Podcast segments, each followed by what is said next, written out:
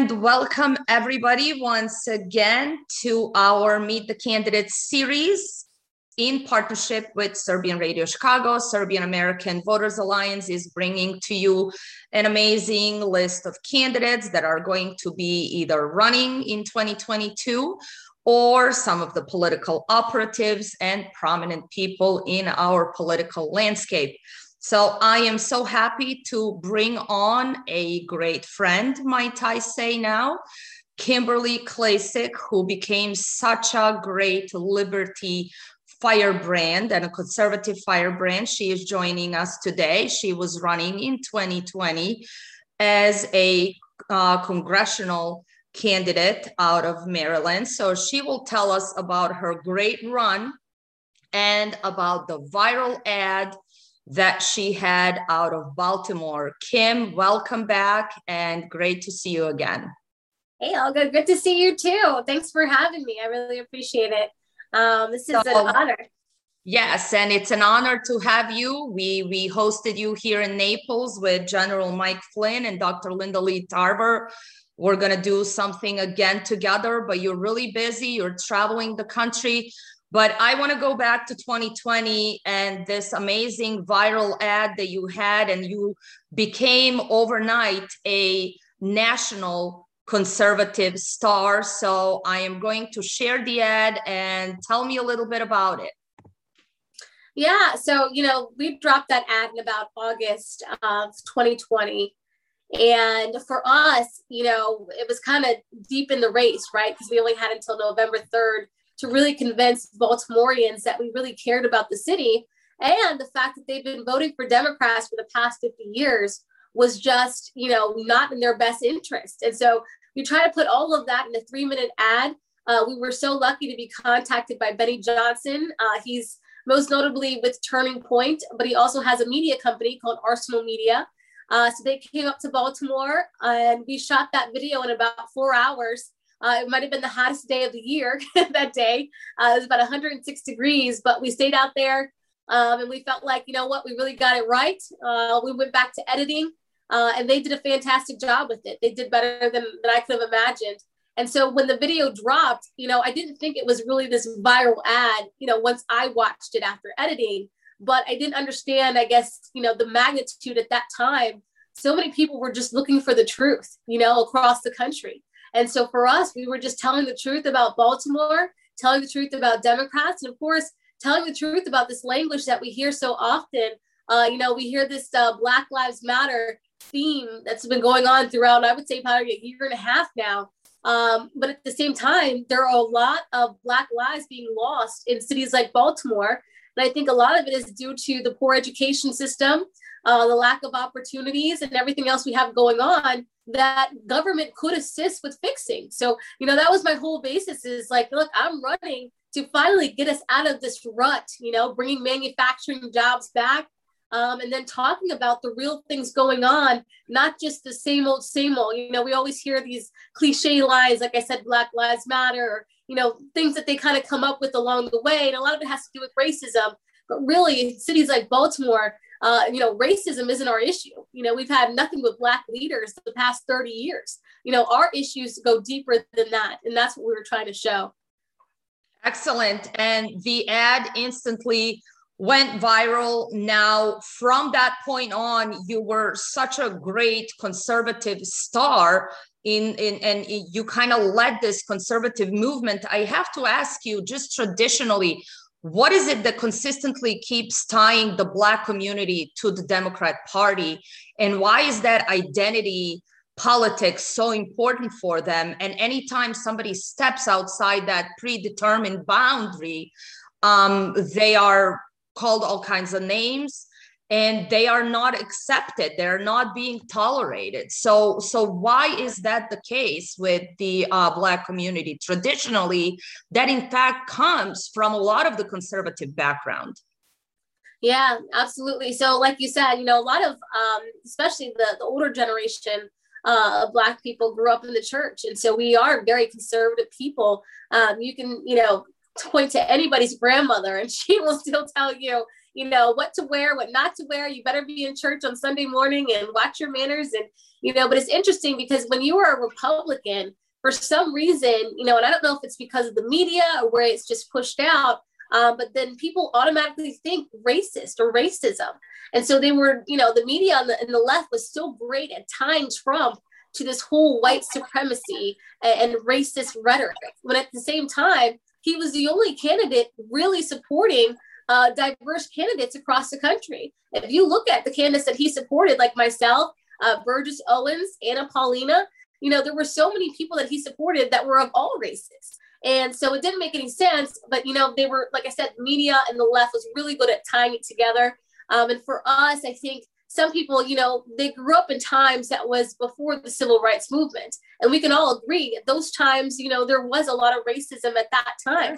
But as we made certain strides, um, I think at that point, Democrats realized the only way to keep hold of that voting block is to continue that same rhetoric as things aren't getting better, things are still racist.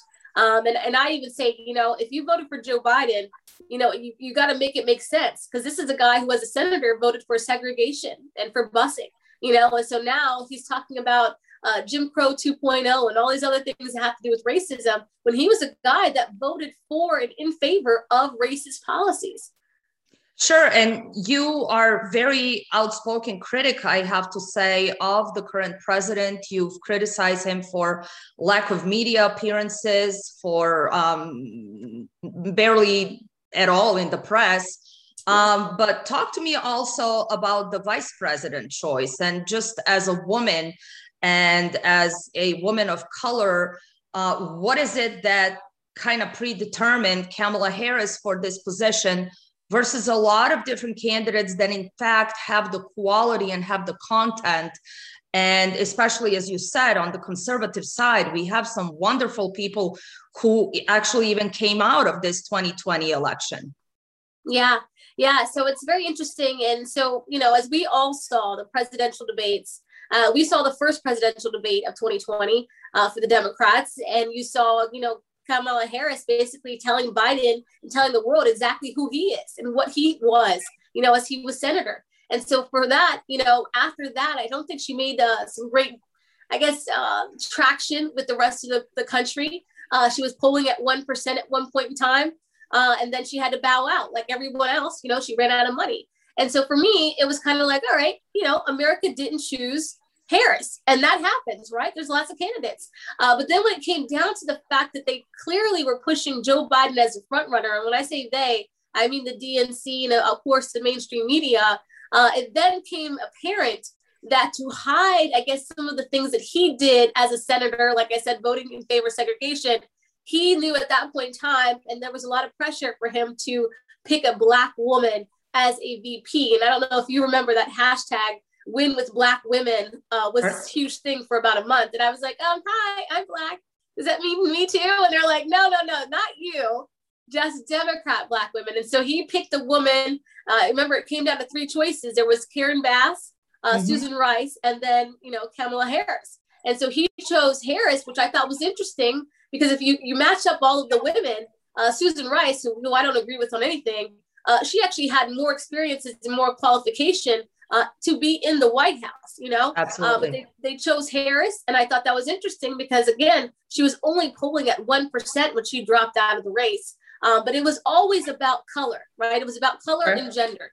And so if we look at what's going on even in today's uh, society and what's going on in the news today, uh, you look at what happened in the uh, Minneapolis case that just happened on Sunday, Daunte Wright. Uh, I mean, the, you know, a lot of people are upset, and I, and I understand. You know, the female cop, uh, she accidentally says she accidentally tases, or she went to go tase him and end up shooting him. But here's a case where what if this woman got this position because she's a woman, right? And that's how we're diversifying things, right? We're adding women, we're adding people of color because it's the right thing to do in society. So that's when I say, look at this situation. This woman obviously made a huge mistake. Perhaps she should have gone through some more training, but the way that we treat our, our country today, we are actually hiring people based on gender and color. And so here we're in this, I said, you know, you got to make it make sense. It doesn't match up. Either we want qualified individuals, we want trained police officers, we want those people that should really be in those positions, or do we want to cater to people for their gender or their race? You know, we've gotta you got to pick a side here. And, and, so I'm hoping that more people will really see, you know, voting for someone based on their gender or race, which Martin Luther King Jr. was emphatically against. You know, we should be making sure that we stick to those things as far as our civil rights leaders. You know, they fought for us to be, you know, basically, I guess, judged by our character and Absolutely. not our race or gender at all. Absolutely, and that is actually interesting. You you bring that up. I know you fly a lot, a lot around the country and American Airlines, I think, just put out a statement where they also are saying that they are going to pick uh, people based on what you just said identity. Yeah. Um, and and especially color, and you would hope that they would actually pick people who will land the plane safely, um, right. rather than any other things. But so you've been proactive. You you put out some great content on your social media. Um, talk to me, for example, about Cardi B. There was a little bit of a thing there where she doesn't get blocked on social media. However, one of our female uh, congressional representatives, Marjorie Taylor Greene, she's been blocked on several occasions. So, again, back to this identity, but very specific identity that we are looking for, and the hypocrisy that is, of course, prevalent. And you were very outspoken about that situation. Yeah, absolutely. So, like you said, it's very specific, right? You know, they're both women.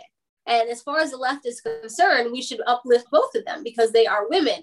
But unfortunately for Marjorie Taylor Greene, who's a wonderful congresswoman, she is a conservative. And so, because of that, you know, she is cancelable, right? Whereas Cardi B, who, you know, I, I have no qualms, I guess, with Cardi B. My daughter, you know, my daughter, four years old, she's not allowed to look at Cardi B or listen to her, right? I'm her mother. and of so course. there's no Cardi B in our house. Um, but at the same time, you know, here's a woman who actually interviewed Joe Biden. I don't know if you remember that as he was sure. running as a presidential candidate.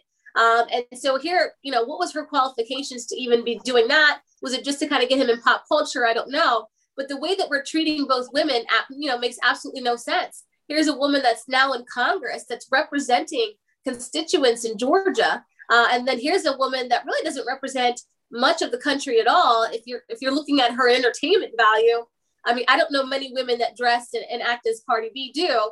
Um, but so it's like, why are we, you know, basically choosing one side over the other?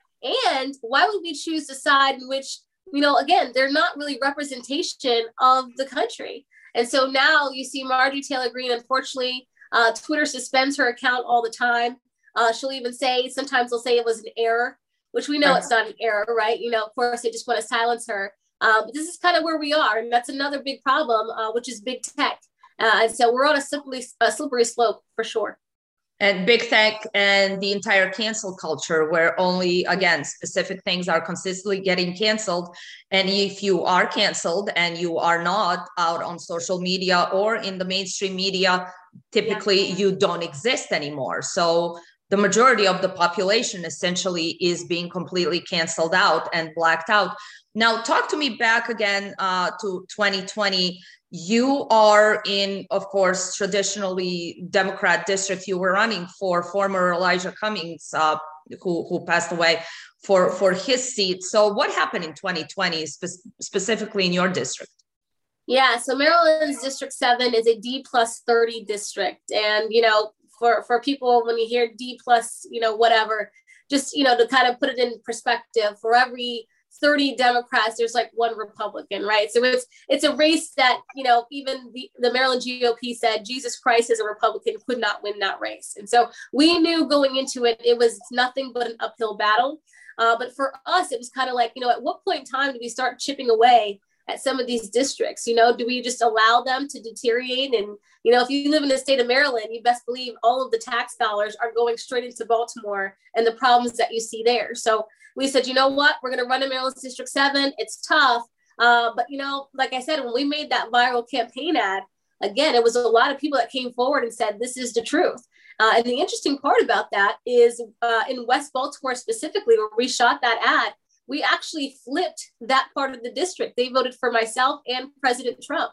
And so I was very happy. You know, our team did a lot of grassroots uh, efforts. We knocked on pretty much every door. You know, we had events every single day. Uh, my main team, which was about maybe five or six people, they never slept. you know, from August 20th until November 3rd, they didn't sleep. You know, we had people that never even went home.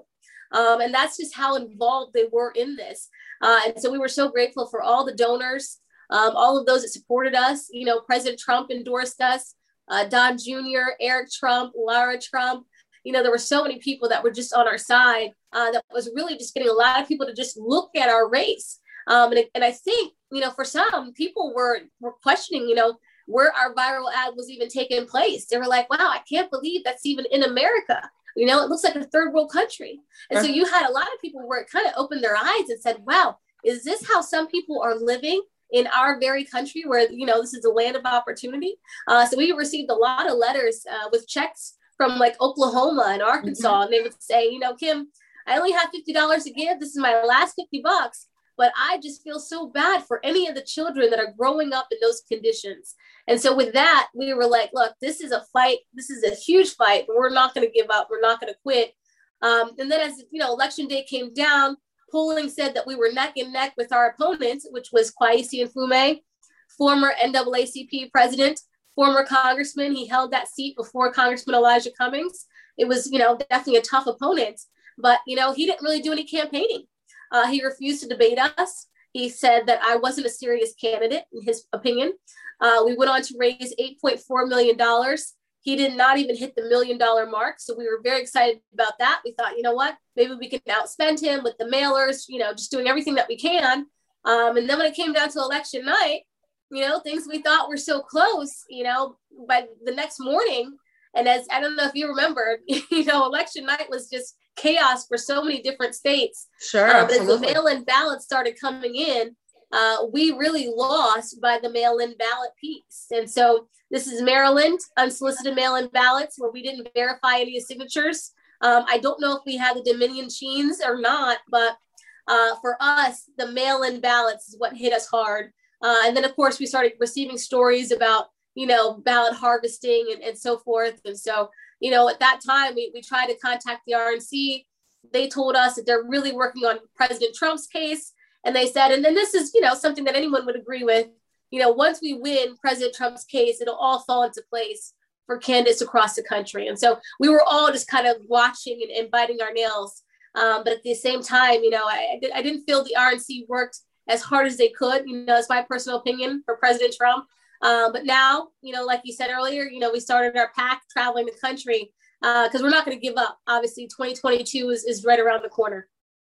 And that's a great segue into what I wanted to talk to you about. So, talk to me about Red Renaissance and what you're doing right now, and what all of us, I guess, are doing looking towards that 2022. But given what you just said, and given what we know about very serious voter fraud and allegations, and of course, a lot of proof that came out, but nothing came out of it.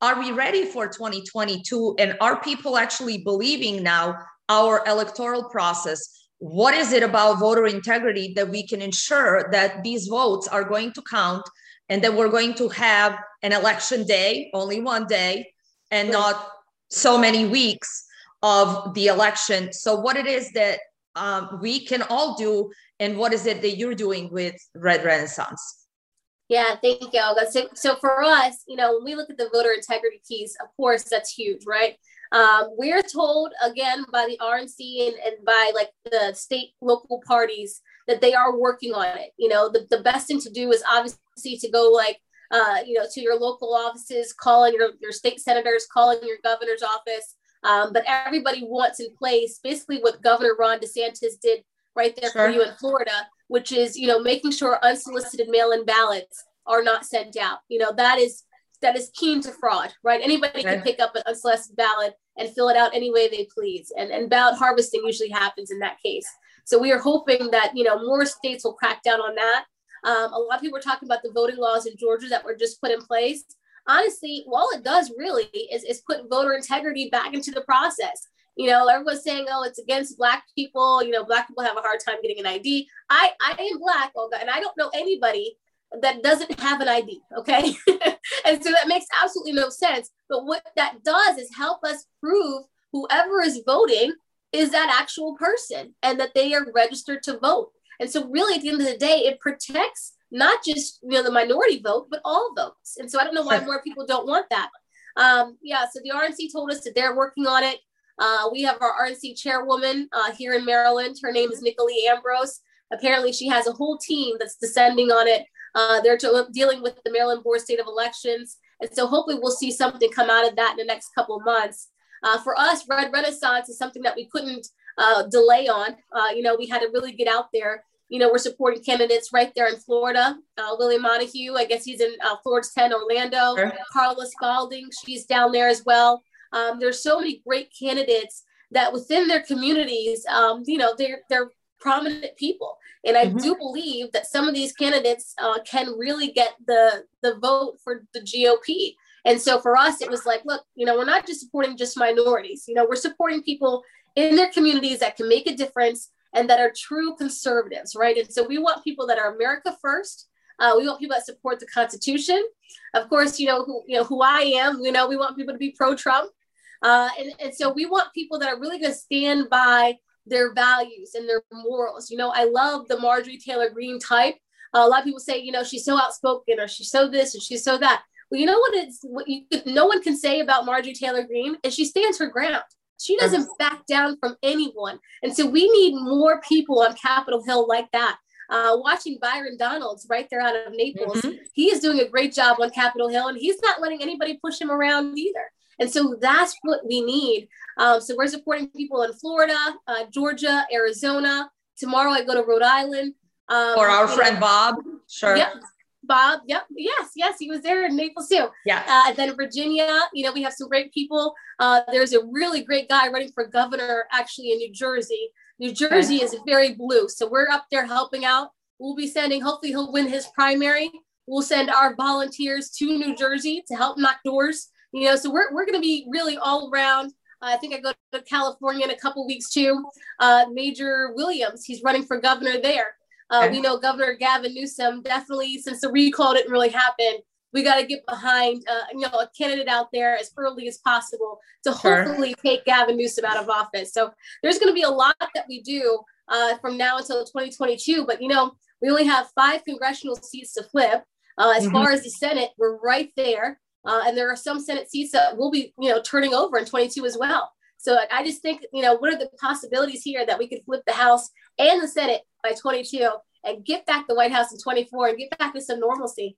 Sure, very likely, and especially if we get through some of these voter laws and uh, voter ID and things like that. But uh, we may have our friend Rick Grenell also run for governor of California. It's been rumored. I wanted to ask you about another candidate, and I know you were in Illinois right after our Naples event. Uh, Catalina Lauf. Now we're looking at some candidate candidates who are also running against Republicans. So mm-hmm. this is just an interesting dynamic here, where we're looking to get rid of, as they say, some of the RINOs. She's running against Adam Kinzinger, and I'm interested in Illinois, especially because Serbian Radio Chicago is based there, and we have a great number of Serbian Americans who live in Illinois. Talk to me about Catalina and her campaign. We would love to have her on. Oh yeah, definitely. And, whatever, I don't know if you're connected, but I'll definitely connect you too. Sure. Um, she's a great friend of mine. She's, you know, one of the young women that I met, uh, you know, while I was running my race. Uh, there was about maybe five or six of us women that kind of just clung together and was holding on for dear life going into you know November 2020. And, and Catalina is one of those women where she was on the ground every single day in Illinois. You know, she always were uploading her videos. They knocked doors every single morning. They were out there passing out their, their flyers and their literature. And, and so she didn't give up. Um, and so now, you know, with running against uh, Congressman Adam Kinzinger, obviously he was a thorn in, in President Trump's side for, for so long. Um, but here's a guy that loves going on CNN, loves going on MSNBC, and loves kind of just, you know, siding with the Democrats in spite of the Republicans because we are Trump supporters. And so it was interesting, you know, just a couple weeks ago, uh, he actually quote tweeted one of my tweets. Now we've never spoke to each other at all, Representative Kinzinger and myself, but I know he knows now that I'm supporting Catalina Lauf. Uh, so when I went up there with Scott Presler and uh, Alex Bruesewitz, uh, we were there and literally they told people in 48 hours that we were coming up. They had over 300 people show up uh, in support of Catalina. And a lot of the people said, you know what? We really need to get Kinzinger out of office. He does not represent this district whatsoever. Um, it's interesting to me, though, he's, he's raised a lot of money through the Lincoln Project uh, and through basically Democrats, right? So he's already at 1.1 million. Uh, we've been helping Catalina with fundraising, obviously doing rev share email lists and things like that. Uh, but I think what will really put her over the top is hopefully she'll finally get that endorsement from President Trump. Okay. Interesting. Now, I want to ask you about something that is really a pressing issue in the country currently, and President Trump had it all planned out. It stopped. You traveled to the border recently, and of course, you know I come from that background of transnational crimes, including human trafficking. Yeah. There is a disaster happening at our border right now. Tell me about the experience of being at the border and what is it that we can do right now? Because clearly, it seems like when we go back to talking about voter ID and election integrity, the people that are being just let into the country clearly are going to change the voting demographic as well. So, what yeah. was your experience?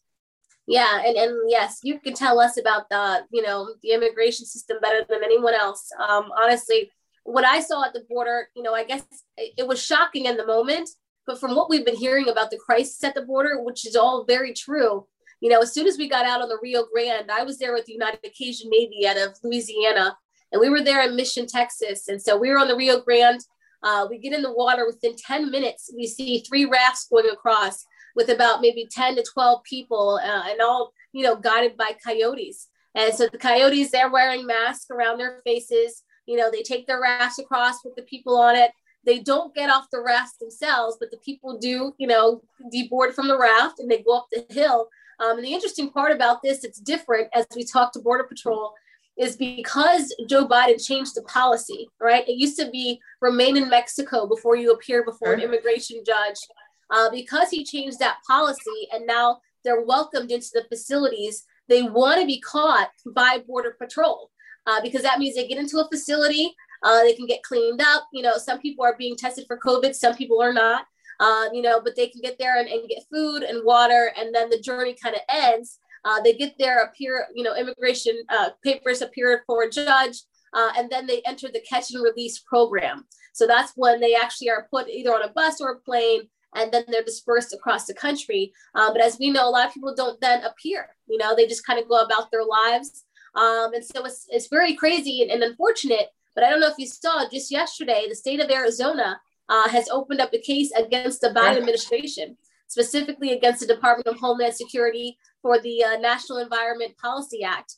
Uh, and basically, what they're saying is because there's over 1,000 immigrants coming across the border each day, that it's putting a strain on their resources and the environment. So they're saying specifically the schools and the hospitals, and get this, the infrastructure, right? As we see Joe Biden pushing a $2.3 trillion infrastructure bill, he's harming the infrastructure right there in Arizona. So they want the border wall to remain, uh, to, to continue being built. And then they want that policy remain in Mexico to go back in effect. Okay. And just as we are finishing up, you were a great candidate in 2020, and a lot of us are hoping you will be a candidate again soon. Can you tell us any secret plans for the future besides Red Renaissance? Are you planning to run again? I know we were uh, chit chatting with uh, General Flynn, and he kind of said there's a higher calling for you. Um, what are you going to do? What are you thinking? Yeah, General Flynn and uh, Congressman Trey Gowdy. I know you probably remember him. They're all like, you know, you effectuate more change outside of the halls of Congress. And, and I understand what they mean. Um, you know, if I can get, like I said, if we can help flip this house in, in 22, that'd be amazing. Um, you know, who knows what I'll do, I guess, at this point in time. District 7, even after redistricting, it happens in September, it'll still be a D plus 26 to 30 district. And so we have some people uh, that have been helping us run some numbers on a possible Senate seat here in Maryland. Uh, but at the same time, you know, if I took two years off and, and then try to figure it out for 24, you know, it is what it is. But, the, you know, for me, it's all about flipping the house right now. Uh, whether I'm one of those people or not, uh, I think even if I ran in District 7, I still would have to continue chipping away. You know, that's not a district that we're going to win overnight. So I really want to focus on actually flipping that house uh, so we can, like I said, get back to normalcy. As you said, there are five seats to be flipped, and you're doing some incredible things around the country. So thank you for all of that, and thank you for joining us today. I'm sure we're going to see you again and hear some amazing things that you're doing. Yeah, thank you for having me. I really appreciate it. Thanks, and we'll see you soon in Naples. All right, sounds good. Thanks, Kim. Thank you.